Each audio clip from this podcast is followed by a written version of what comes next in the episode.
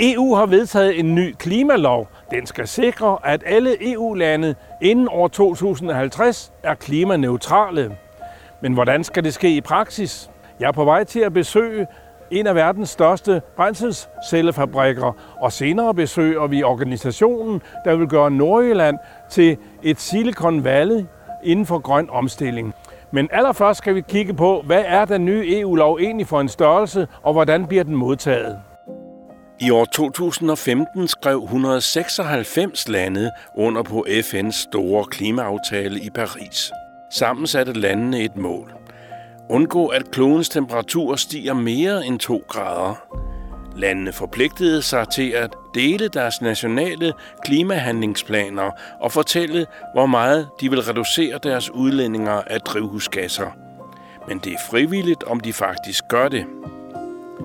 På baggrund heraf har EU i 2021 vedtaget den nye klimalov.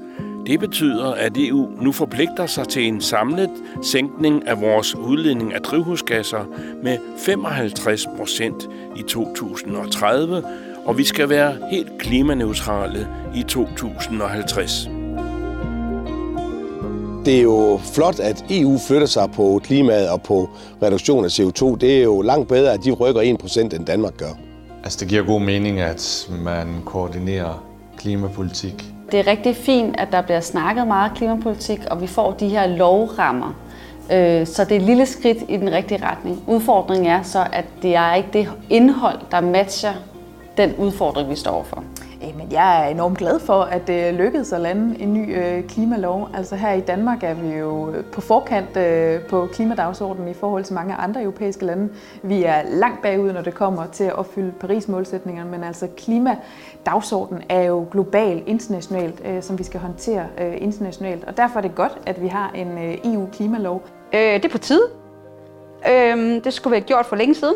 Øh, men der har været en, en meget stærk øh, modstand imod at tale klima, og det er der stadigvæk. Jeg synes, det er rigtig godt, at EU tager fat på det, øh, som er det allerstørste spørgsmål. Det er vores klimaforandringer, som er menneskeskabte. Vi skal simpelthen gøre EU grønnere, og vi skal gøre det på en klog og en smart måde. Klima er jo grænseoverskridende.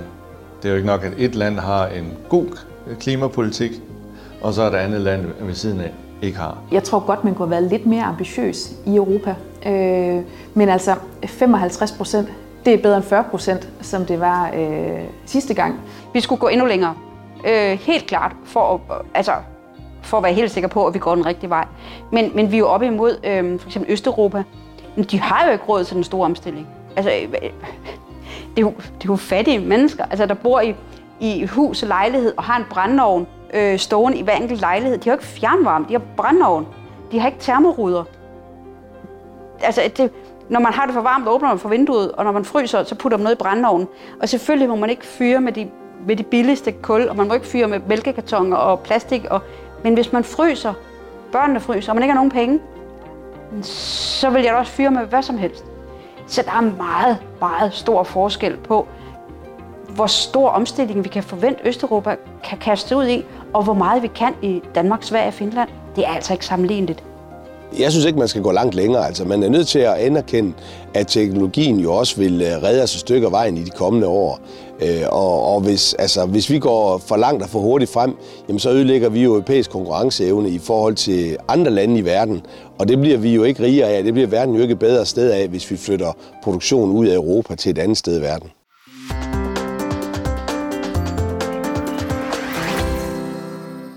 Herinde bag mig ligger Blue World Technologies, en af de virksomheder, som skal hjælpe os med at reducere CO2-udslippet. Lad os kigge indenfor.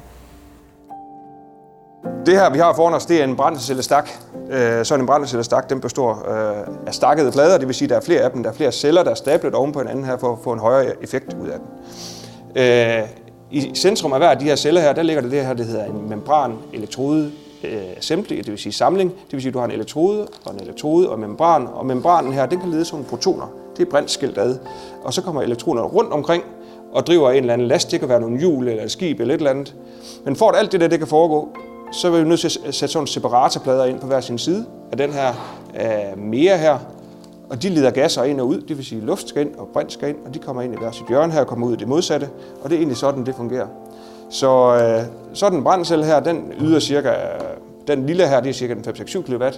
De store, vi har, det er omkring 25-30 kW. Det vil sige, det er nok til at drive en lille varebil eller en personbil, hvis den er halv størrelse. Øh, så det er, det er sådan set det, vi laver. Så i princippet, så kommer der brint ind i den ene her, og så bliver det forbrugt og lavet om til strøm, og der kommer noget luft ind, det gør det samme, og så bliver den så kølet også, og det varme, det kan man så bruge til at varme kabinen op i en bil eller.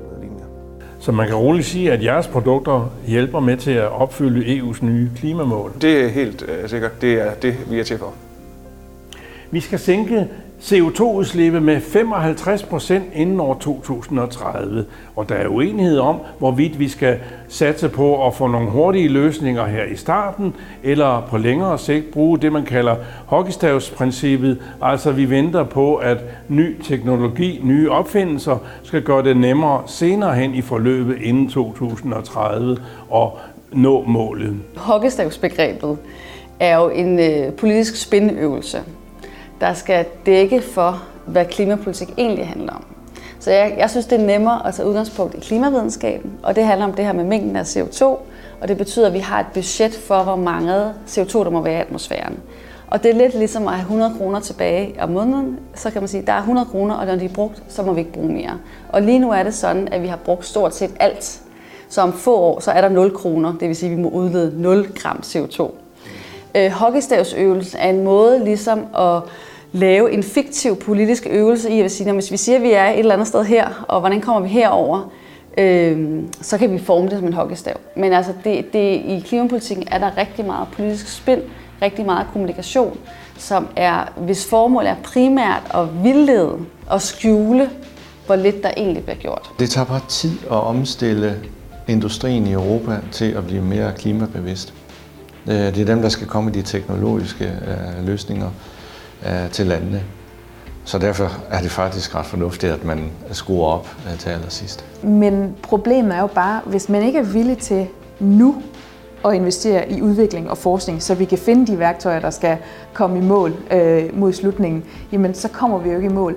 Øh, så jeg synes, det er meget problematisk, at, at man ikke investerer endnu mere i forskning og udvikling, og tilskynder endnu mere til forskning og udvikling blandt erhvervslivet.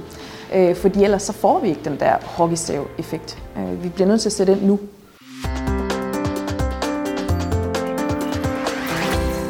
Anders Korsgaard, ja nu hører vi altså øh, ønsker om flere penge til forskning og til udvikling. Er det også noget, I mærker inden for jeres felt? Altså jeg vil sige, hvis vi ikke kender konturerne af en løsning i dag, teknologisk set, så er det ikke noget, der kommer til at hjælpe os i 2030. Jeg tror, der er rigtig mange teknologier, som vi har været i gang med at udvikle i Europa i mange år, og i Danmark, og investeret øh, rigtig mange forskningsudviklingsmidler i.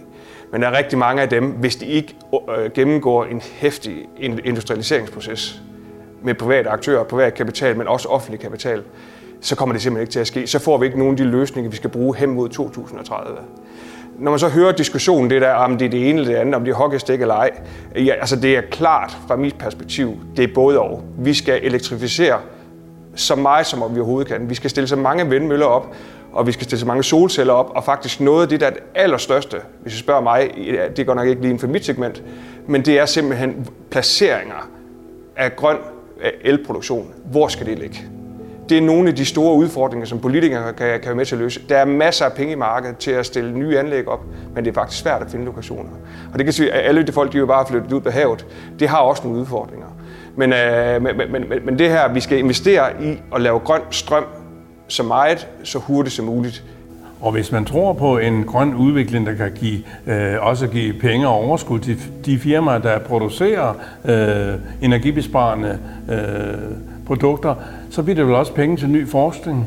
Jamen det gør der. Altså det, det, det, det er klart, det, det, det kommer selvfølgelig til at køre ring. Vi har, jeg vil så sige, i Europa, vi har investeret meget i teknologiudvikling de sidste 20 år. Øh, og der er rigtig mange gode teknologier, der er, været, der, der, der, der er blevet støttet. De har behov for det næste skub ind i, øh, ind i industrialiseringen. Og det er ikke FAU-midler. Det kan være den, øh, den, den grønne fremtidsfond, som regeringen øh, lagde frem. Det kan være større hvad kan man sige, krav til dem, der investerer ind i virksomheder, at der skal afsættes en vis mængde kapital til at få skubbet de her teknologier ud over rampen. Altså, vi kan snakke om pensionsfonde eller noget lignende, ikke? Øh, der, der, der, der forvalter vores alle, alle sammen penge, at de bliver skubbet ind i noget af de her øh, tidlige industrialiseringer, der gør, at vi ikke bare ender med at købe det hele i Kina, ligesom det er tilfældet med solceller i dag. Og nu står vi altså hos Blue World Technologies, og I kan vel blive, skal vi sige, et positivt eksempel eller en rollemodel for den positive sneboldeffekt, vi gerne skulle have gang i. Det er det, og det er, har vi det absolut til hensigt og tror på, at det kommer til at ske. En del politikere er skeptiske overfor, om den nye skrabe klimalov måske gør os mindre konkurrencedygtige i EU i forhold til Kina og USA og andre lande, der har en mere lempelig politik på området. Jamen, øh, den, jeg deler sådan set bekymringen. Altså, det der, går vi for langt, og de andre lande ingenting gør, jamen så, så, så rammer vi europæisk øh, erhvervsliv. Og det er jo også derfor, det er så hammerne vigtigt, at vi sørger for, at vi ikke stiller nogle krav op, som er så urealistiske, at virksomheden opgiver på forhånd, og at arbejdspladserne flytter ud. For så har vi da i sandhed ingenting gjort, hverken for Europa, europæisk økonomi eller for klimaet. Øh, jeg kan sagtens følge bekymringen over øh, USA og Kina og, og mange andre lande, fordi klimakrisen er globalt. Altså det nytter ikke noget, at vi får reduceret vores CO2-udledning her i Danmark og Europa, hvis øh, USA de så bare bliver ved med at bulle ud af øh, på CO2-udledning og, og, og Fjernasien også gør. Øh, men jeg tror, når jeg, når jeg følger debatten, øh, at det, der er en stemning for, at det her det er alvorligt. Øh, men vi har selvfølgelig en kæmpe opgave i at blive ved med at tale om det. Øh, fordi det her, det er jo sådan noget, der, det er også noget, der kommer nedefra. Altså ved at befolkningen lægger pres på det. Øh, at vi kræver, at vi har nogle politikere, som rent faktisk handler på klimadagsordenen. Øh, og må ikke også det går op for, for de fleste amerikanere øh, og kinesere, at, at øh, man skal handle på klimadagsordenen? På lang sigt er jeg ikke i tvivl om, at Europa vil være konkurrencedygtigt. Men det kræver, at den lovgivning, vi vedtager, øh, går i hånd i hånd med den teknologiske udvikling og med de virksomheder, der skal levere. Hvis vi er alt for voldsomme i vores lovkrav, så vil det ødelægge grundlaget for at, at drive, drive virksomhed i, øh, i EU, og dermed også øh, gøre det mindre konkurrencedygtigt. Øh, vi skal ikke konkurrere på laveste fællesnævner, fordi der er en milliard kinesere, der kan gøre tingene mere effektive, fordi de bliver tvunget til det, og for, stort set ikke har nogen tissepauser.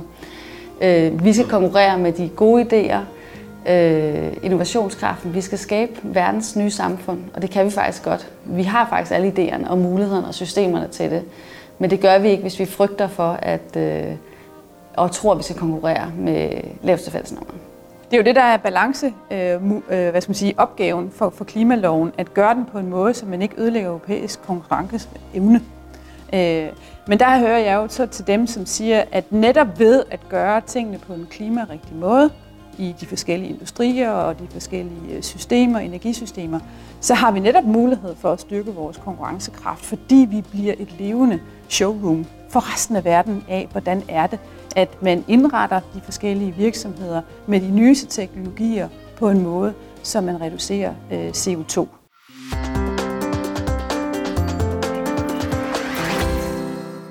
Tror du ligefrem, at den danske omstilling til grøn energi kan gøre danske virksomheder mere konkurrencedygtige?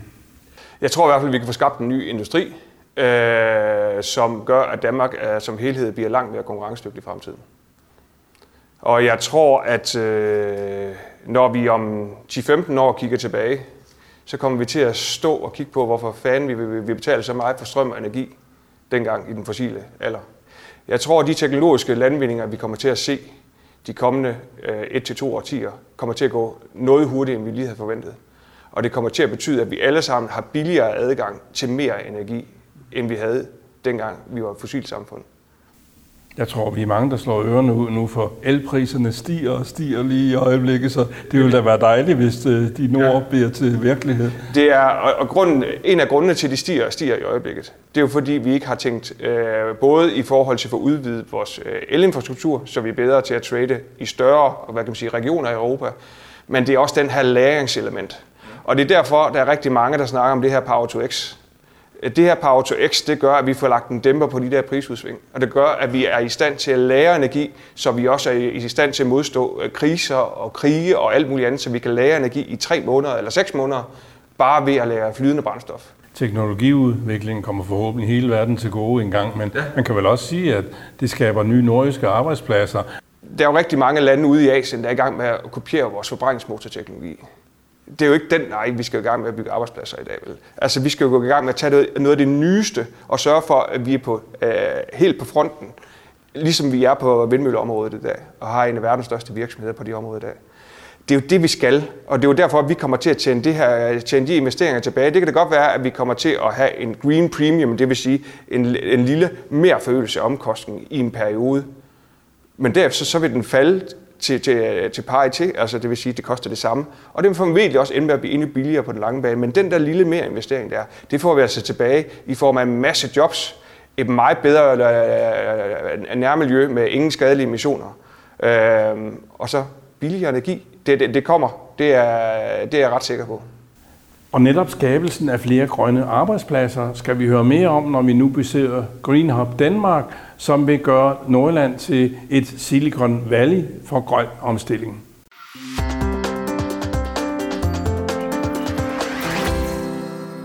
Men først skal vi snakke elbiler, for salget af el- og hybridbiler er stødt stigende i Danmark. I september 2021 udgjorde salget af el- og hybridbiler 45 procent af det samlede bilsalg i Danmark.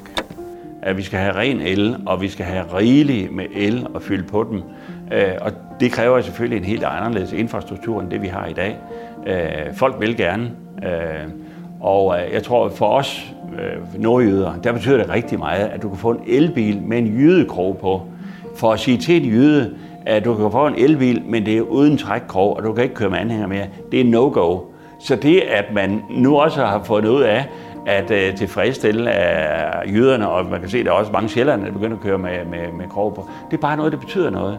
For 10 år siden, der var der ingen, der tænkte elbiler, bortset fra Elon Musk. Uh, han satte hele sin formue og hele sit liv på at forandre verden. Og i dag er der, er der ikke en bilvirksomhed, som ikke har elbiler i sortimentet. Det eksploderer jo øh, nu. Og jeg tror på, at hvis man lader markedet udvikle, samtidig med at man laver den nødvendige lovgivning, der hjælper på vej, så får vi også den udvikling, vi vil have.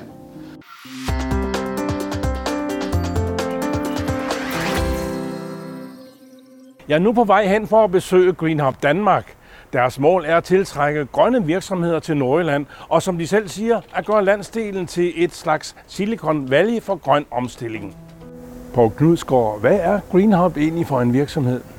Green Hub Danmark er, er en samarbejdsplatform øh, for alle gode øh, kræfter i forhold til bæredygtighed her i Nordjylland. Vi samler alle aktører, vi kender alle, og så alt efter, hvad der kommer af, af mulige opgaver, så laver vi en, en taskforce, altså en arbejdsgruppe, med de relevante folk, som så arbejder med sagen. Og når, når der så er noget at fortælle, så kommer det tilbage til Green Hub, og så har vi også en kommunikationsplatform, hvor vi breder det glade budskab ud. Jamen, hvad gør I øh, sådan kontant for at tiltrække nye virksomheder, grønne virksomheder til Nordjylland?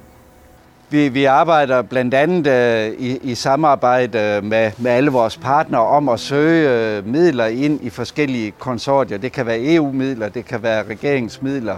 Det her fyrtårnsprojekt, man snakker så meget om med, med grøn omstilling i, i Nordjylland, der søger vi midler hjem til at lave noget test og noget demonstration herop. Og så når først en virksomhed er her for at teste noget ny teknologi, så satser vi også meget stærkt på, at de så, når de begynder at lave det til storskala produktion, at de så også bliver her i byen.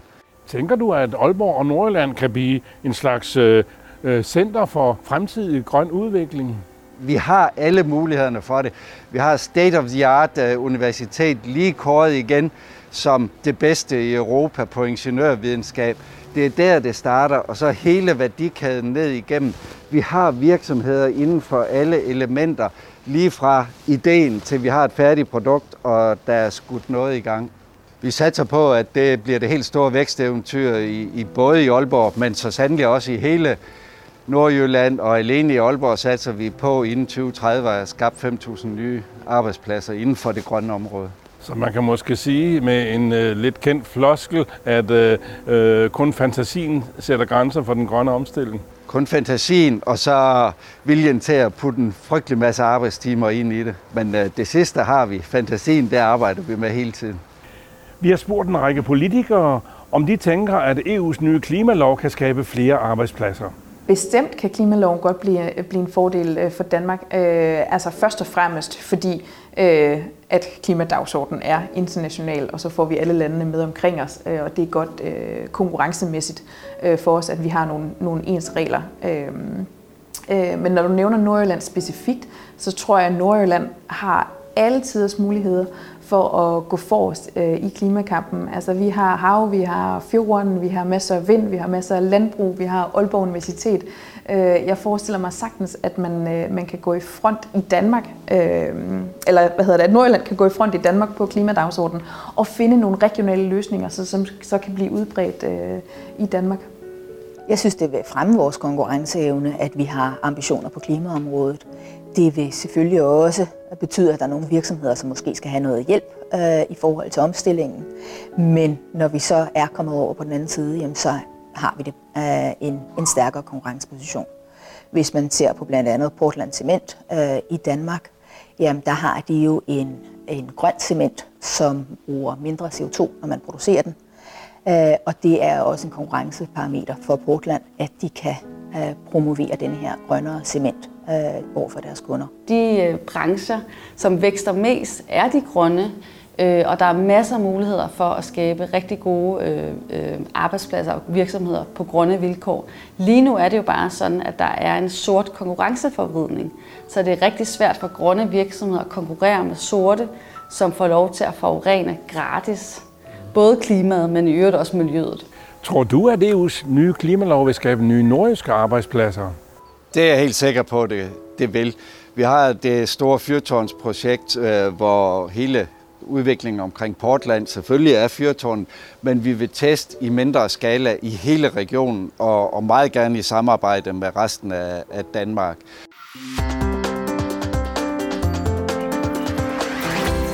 Man kan ude i disen uh, se uh, røgen fra, fra Portland for eksempel, og ude bagved der ligger også uh, Aalborg Havn, ja. hvor, hvor der er store erhvervsarealer, hvor meget af, af de her nye virksomheder også vil komme til at ligge. Ja. Og over på den anden side af Limfjorden, over ved Nordjyllandsværket, der kommer jo det her nye test- og demonstrationsområde, hvor, hvor man kan teste alle mulige nye teknologier. Og hvis vi kigger den vej, nu er vi ikke så heldige, at der lige kommer et fly, men der ligger lufthavnen jo ude. Ja. Og de er også med i arbejdet med at, at prøve at få en, øh, noget, noget mere bæredygtigt brændstof okay. ind i fly. Altså vi har jo en drøm om, at der en dag flyver et grønt fly fra Aalborg til København og tilbage igen. Ja, vi får jo snart en, øh, en, en forhåbentlig førerløs færge på sigt øh, frem og tilbage mellem Nørre Sundby-siden og, og Aalborg som bliver eldrevet. Og... En førerløs færge? Ja, i, i første omgang er der nok en chauffeur med, eller en styrmand med, men, men drømmen er, at den, den skal være førerløs øh, okay. øh, på sigt, ja. sådan at, at man kan komme nemt over, man kan cykle ned, og så lige få cyklen ja. med over. Det skal ellers, ikke bare være en turistattraktion, men også en praktisk I høj grad, fordi hele Stisborg Brygge, det nye, man bygger derude, det bliver en kæmpe bydel øh, der med, med garanteret mange mennesker, der skal herover enten for at ja. gå i skole eller for at arbejde, mm. og skal hjem igen om øh, eftermiddagen og vice versa. Ja. Øh, der sker bare så frygtelig meget heroppe, og, og, og, og det hele det spiller sammen på kryds og på tværs, og derfor så er Green Hub Danmark jo et fantastisk sted til at samle øh, alle de gode kræfter, og dermed også få spredt viden, så en og en kan blive syv. Jamen held og lykke med jeres virksomhed. Tak skal du have.